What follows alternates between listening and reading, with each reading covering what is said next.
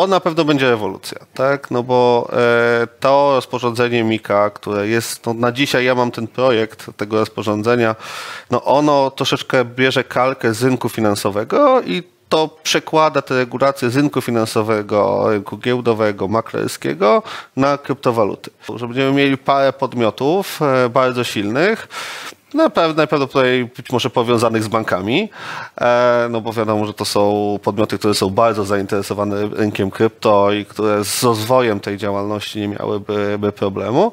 Natomiast startupy, nowe przedsiębiorstwa nie będą robiły im konkurencji, tylko będą uzupełniały ich ofertę.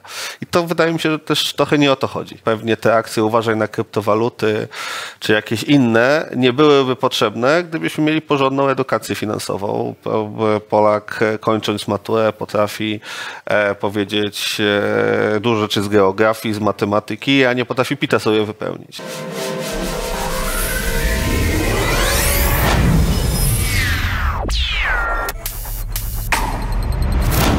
Mecenasami kanału są Mennica Skarbowa SA, lider polskiego rynku złota. Platforma do tokenizacji Mozaiko, nowa definicja inwestycji. KuCoin, czołowa giełda kryptowalut na świecie. Linki do partnerów kanału znajdują się w opisie materiału. Jacek Jakubiuk, witam Cię na kanale Finansowy Preppers. Dzisiaj moim gościem jest radca prawny, prezes, nawigator platformy do crowdfundingu. Byłeś też, tworzyłeś departament w KNF-ie.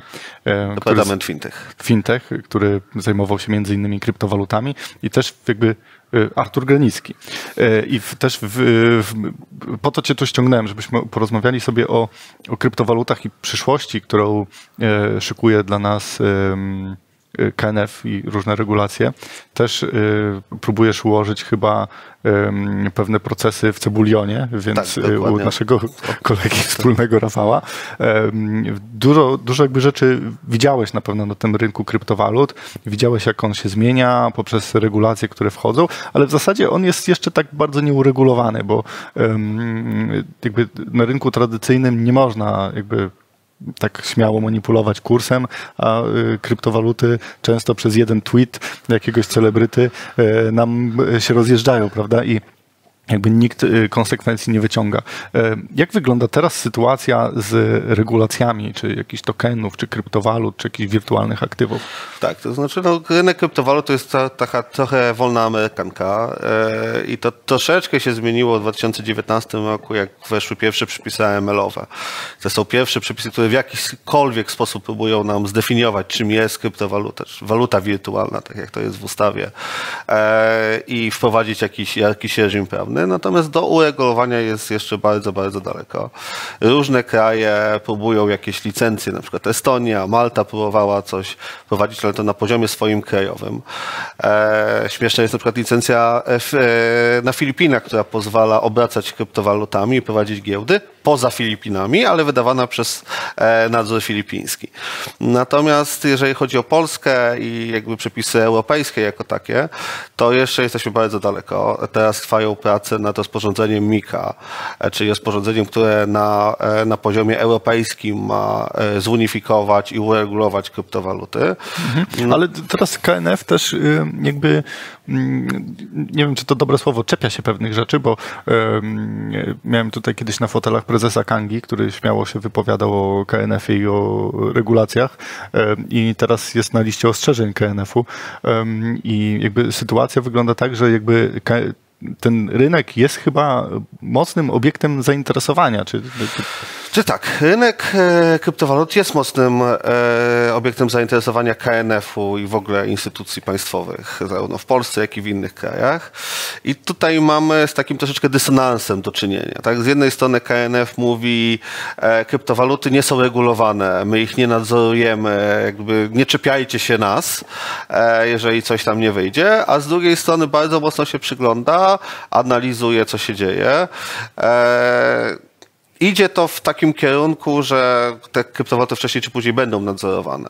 E, pierwszym takim krokiem, który zrobił KNF, e, to jeszcze tam w 2017 roku wydawał jakieś stanowiska, opinie, one były bardziej informacyjne niż merytoryczne.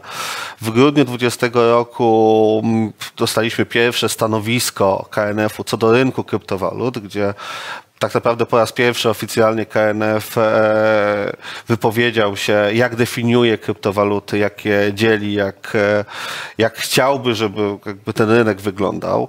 E, nie do końca się z tym zgadzam, co KNF tam napisał, natomiast no, jakiś tam jest pierwszy krok. Natomiast oczywiście z drugiej strony, oprócz tych praw anality, prac analitycznych, mamy do czynienia no, z takim nadzorem spółek, czy przyglądaniem się spółek, które prowadzą biznes na rynku kryptowalut. I e, no, pierwszym takim przetarciem było oczywiście pisma do banku w sprawie AML-u, wpisywanie na listę ostrzeżeń publicznych. Z tym, że to wpisywanie na listę ostrzeżeń publicznych nie dotyczy samego rynku kryptowalut jako takiego, tylko wykonywania usług dodatkowych do obrotu kryptowalutami, które już są usługami nadzorowanymi. Głównie były to od 2017 roku e, usługi płatnicze. E, to przykład BitBaya, ale też wielu, wielu innych. E, BitBay jest najsłynniejszy, tak? Wielu, wielu innych spółek, które przy okazji obrotu kryptowalutami, no KNF przynajmniej doszedł do takiego, do takiego stanowiska, że te spółki obracały też środkami finansowymi, wykonywały pewne usługi płatnicze, na które nie miały licencji.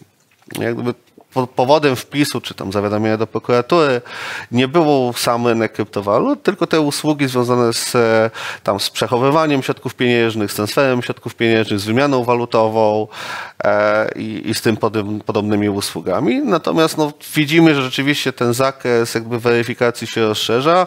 To by przykład podałeś Kangi, która jest, e, wydaje mi się, pierwszym podmiotem, który został wpisany na listę ostrzeżeń publicznych nie ze względu na usługi płatnicze, tylko ze względu na obrót instrumentami finansowymi. E, czyli taką działalność powiedzmy maklerską bez, bez licencji, mimo że oczywiście nie, nie, nie wykonywali działalności maklerskiej, tylko tam był obrót e, tokenami i, i kryptowalutami. Okej. Okay. I teraz, y, jeżeli przyjmiemy jakby te przepisy europejskie, które są wdrażane, y, to co to zmieni na rynku? Jak ten rynek y, może wyglądać za kilka lat? Jaka jest perspektywa? Znaczy, to na pewno będzie rewolucja, tak? No bo to rozporządzenie Mika, które jest, no na dzisiaj ja mam ten projekt tego rozporządzenia, no ono troszeczkę bierze kalkę z rynku finansowego i to przekłada te regulacje z rynku finansowego, rynku giełdowego, maklerskiego na kryptowaluty. Więc z jednej strony możemy mówić, że dobrze, że to się dzieje, no bo nie będzie nikt miał wątpliwości, że to jest legalne, nie będzie, będzie jakaś ochrona konsumentów e, czy ochrona inwestorów na to nałożona. Z drugiej strony, no przynajmniej ta wersja, która jest dzisiaj, nie wiadomo jaka wersja będzie ostateczna, natomiast ta wersja, która jest dzisiaj, no tak dokręca powiedzmy do maksimum tą, tą śrubę regulacyjną, e, wprowadzając obowiązek pozyskania licencji na każde, każdą możliwą usługę związaną z kryptowalutami, łącznie na przykład z doradztwem w zakresie inwestowania w kryptowaluty, przechowywaniem kryptowalut, wykonywaniem zleceń w zakresie kryptowalut e, i tak dalej.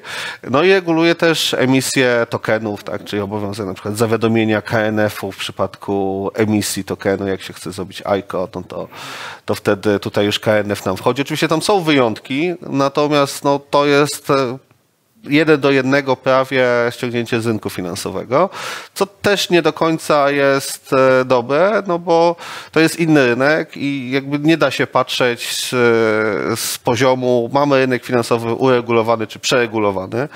E, dzięki temu, czy poprzez to przeregulowanie rynku finansowego ten rynek e, kryptowalutowy zaczął się rozwijać i teraz tak samo chcemy dokręcić śrubę rynkowi kryptowalutowemu, co no, na pewno jeżeli mamy do czynienia z dużym podmiotem, który ma bardzo duże środki, kapitał, e, dużo klientów, on sobie na pewno poradzi. Tutaj nie mam wątpliwości, że e, pozyskanie, nie wiem, 350 tysięcy euro jako kapitał do, do licencji, czy zatrudnienie odpowiednich osób e, do, do compliance'u, do zarządzania tym nie będzie problemem. Natomiast próg wejścia do, na rynek krypto będzie przez to bardzo, bardzo wysoki. I tak samo jak mamy sytuację na rynku maklerskim czy bankowym, że e, na przykład w Polsce większość startupów, które się rozwijają, to nie są startupy, które tworzą coś oryginalnego, robią konkurencję, e, są dy, tym disruptorem rynku, tylko to bardziej są usługi, które są pomocnicze i wdrażane jako,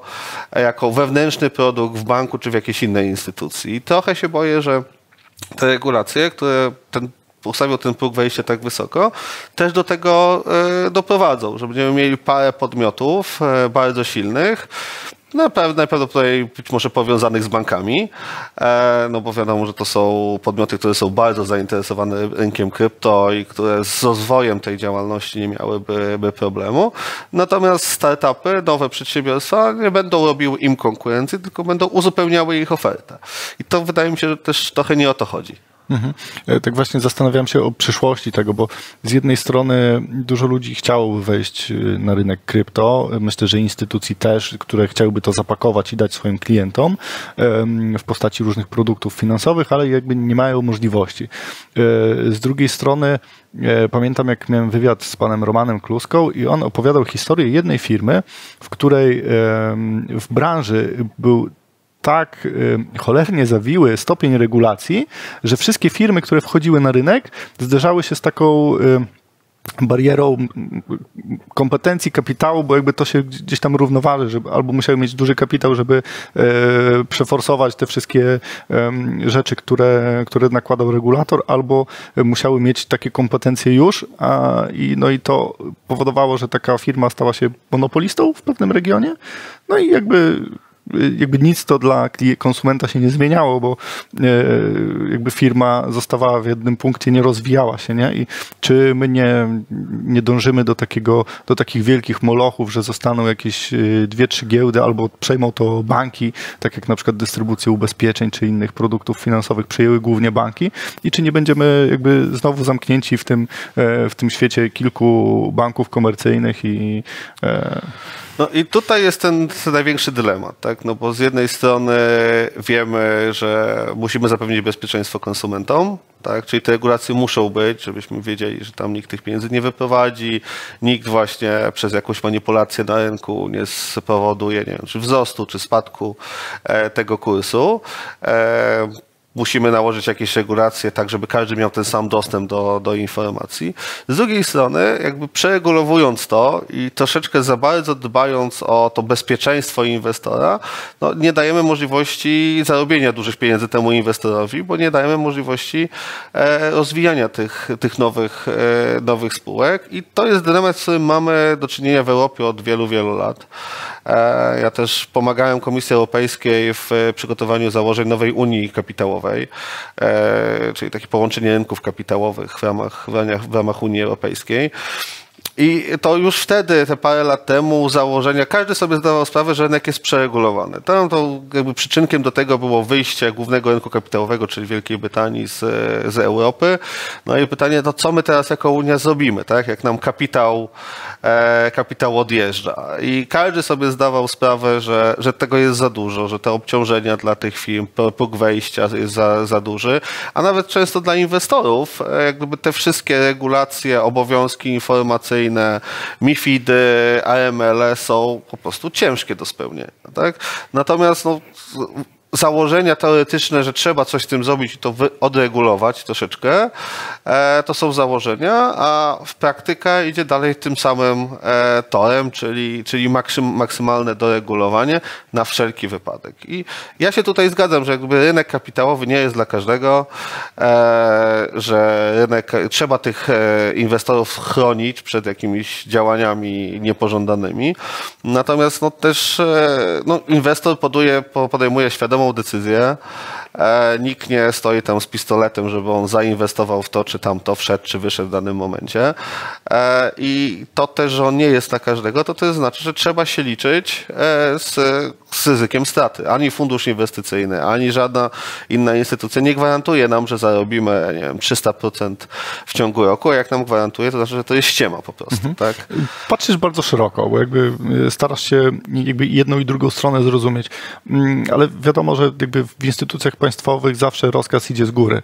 I e, może jakbyśmy spróbowali, nie wiem, czy możesz powiedzieć, jaka jest retoryka jakby tych, co te rozkazy wydają, czyli w którą stronę to ma iść według jakby naszych rządzących. Znaczy, nie, nie odważyłbym się aż tak wchodzić do głowy rządzących. Ja mogę powiedzieć, jaki jest, no jaki jest, jaka jest rola nadzoru. Tak? E, nadzór finansowy ma stać na straży e, bezpieczeństwa rynku, rozwoju tego rynku i edukacji tego rynku. Sami możemy sobie odpowiedzieć, na ile te trzy główne elementy są w naszym przypadku spełniane. E, I wiadomo, że nadzór co do zasady powinien być niezależny od polityków, od rządzących. E, taki jest model. E, no, na to musimy nałożyć sobie jakąś tam, powiedzmy, kalkę obecnej sytuacji politycznej i się zastanowić, czy w przypadku polskim NBP czy KNF jest rzeczywiście niezależną od rządu autonomiczną instytucją. E, natomiast e, no, trzeba się popatrzeć na to, że e, nie możemy oczekiwać od KNF-u tego, że oni otworzą rynek i powiem teraz róbcie, róbcie regulacje, my się zajmujemy tylko, tylko tym, żeby ten rynek się rozwijał. E, na przykład dużo teraz e, jest, duży nakład jest w KNF-ie i w ogóle publicznej na edukację. I nawet jak ta edukacja gdzieś tam zboczy e, w, w nie najlepszym kierunku, to znaczy nie wiem, strona uważaj na kryptowaluty i tym podobne, no to jednak są to jakieś kroki, które z jednej strony trochę tłumaczą tym ludziom niezwiązanym z tym rynkiem, oczywiście przez pryzmat przestraszenia ich. E, natomiast no, dla wielu osób e, taka strona jest też pierwszym zapoznaniem się z rynkiem kryptowalut i ktoś, kto nie zostanie odstraszony, e, no, może się zainteresować i wejść w ten rynek i zainwestować. Więc to też ma jakąś taką rolę szerszego przebicia się do opinii publicznej. Bardzo się cieszę, że ta edukacja jest i rzeczywiście ona jest widoczna. Ja czytałem różne mm, informacje na stronie KNF-u odnośnie kryptowalut. Rzeczywiście to jest takie straszenie, ale wydaje mi się, że to jest taka równoważnia z tym, co mówi na przykład internet. Internet mówi, wrzucamy E, tutaj 100 zł i stajemy się milionerem i jeździmy Lambo, prawda? No właśnie. E, więc, więc, więc e, fajnie, że to się równoważy, że pokazujemy dwie strony. Druga rzecz też, y, nawet uczestniczyłem w takim projekcie Narodowego Banku Polskiego, który dla szkół podstawowych zapewniał program bezpieczeństwa w finansach osobistych. Chyba to taki tytuł bym nie chcę przekręcić, więc fajnie, że takie rzeczy się dzieją, że edukujemy. Czy jeszcze powinniśmy coś dodać do tego, co jakby zmienia się w tym świecie kryptowalut y, przez regulację? Czy jeszcze chcielibyśmy dorzucić jakąś...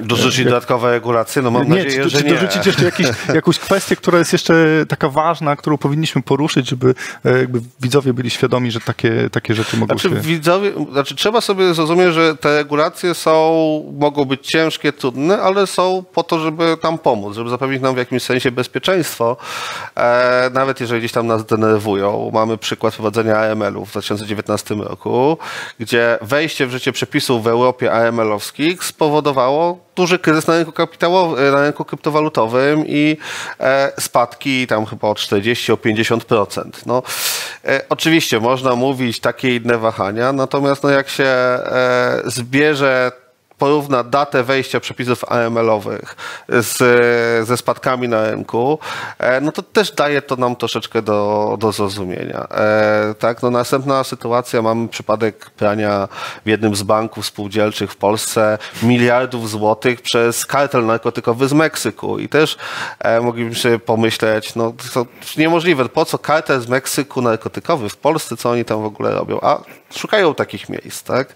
Więc jak się popatrzy z punktu widzenia e, regulatora, e, właśnie organów państwa e, i, i porówna to, że jednak no ich rolą jest zapewnienie bezpieczeństwa. Nawet jeżeli tam przekręcają troszeczkę śrubę e, i przesadzają z tym, e, no to jednak to ich podstawowa jest funkcja, bo za to będą rozliczani, tak? No to nie ma to się oszukiwać. Nikt nie będzie rozliczał urzędnika w KNF-ie czy w NBP-ie za to, że nie powstało ileś firm e, kryptowalutowych, tylko za to, że na przykład dopuścili do tego, żeby ktoś miał pieniądze, czy, czy dostał licencję, a później spółka upadła. A więc też trzeba tych ludzi troszeczkę zrozumieć, że, że mając takie doświadczenia, no, starają się e, dbać o to, o to bezpieczeństwo. Natomiast e, oczywiście jest problem edukacji i to uważam, że jest największy problem teraz, bo pewnie te akcje uważaj na kryptowaluty czy jakieś inne nie byłyby potrzebne, gdybyśmy mieli porządną edukację finansową.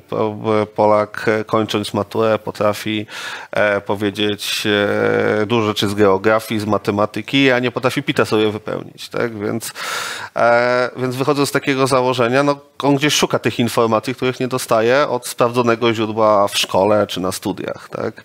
E, no i jak szuka informacji, właśnie tak jak powiedziałeś, wóz 100 zł, będziesz milionerem za miesiąc. E, z drugiej strony do, musi dostawać informację od rządu. Uważaj, to wcale nie wygląda tak, że zostaniesz za chwilę milionerem. I jakby rozsądny człowiek bierze sobie te informacje i gdzieś tam mówi, ok, mogę zarobić, mogę też stracić i wtedy ma możliwość podjęcia, podjęcia decyzji. I oczywiście idealnym, w idealnym świecie byłyby to obiektywne informacje, które ani nie mówiłyby, że zostaniesz milionerem, ani nie mówiłyby uważaj na kryptowaluty, bo cię oszukają, tylko przedstawiałyby merytorycznie merytorycznie, jak ten, e, ten świat wygląda, jakie są zasady inwestowania, jakie są ryzyka, ale też możliwości. E, natomiast no, nie żyjemy w idealnym świecie. Ja pamiętam mój pierwszy kontakt ze strzelnicą, to zawsze da, jakby przychodząc na strzelnicę dostaje się instrukcję, jak mamy się zachowywać, żeby sobie nie zrobić krzywdy. Nie? Wchodząc na rynek często mówimy, nie, wrzucasz tu pieniądze i rośnie, nie? Tak, samo I, e, Cieszę się, że te kampanie edukacyjne są, e, bo to też jest ten kanał, żebyście nie umyczyli za dużo albo nawet zarobili. e, na koniec odcinka mamy zawsze taką tradycję, że każdy z gości ma taką złotą myśl dla naszych finansowych perpersów. Kamera jest twoja, zapraszam. A więc złota myśl. E, to powiedzmy edukacja, edukacja, edukacja. E, jak podejmujemy jakąś decyzję inwestycyjną, chcemy w coś zainwestować, to sprawdźmy wszystkie możliwe elementy tej inwestycji, wszystkie informacje o ludziach, którzy to robią, o spółce, w którą inwestujemy, o zasadach, na jakich inwestujemy, po to, żebyśmy, jeżeli byśmy mieli pretensje, że jednak nie zarobiliśmy, żebyśmy te pretensje mogli mieć tylko do siebie, a nie do innych, bo na tym też się uczymy. Wiem, że nasi widzowie też będą mieli swoje zdanie na temat regulacji. Czy regulacje są potrzebne, czy powinniśmy iść w stronę wolności i niezależności? Jestem ciekawy, jaka jest Wasza opinia. Dziękuję Wam bardzo za dziś. Do zobaczenia. Cześć. Dziękuję bardzo.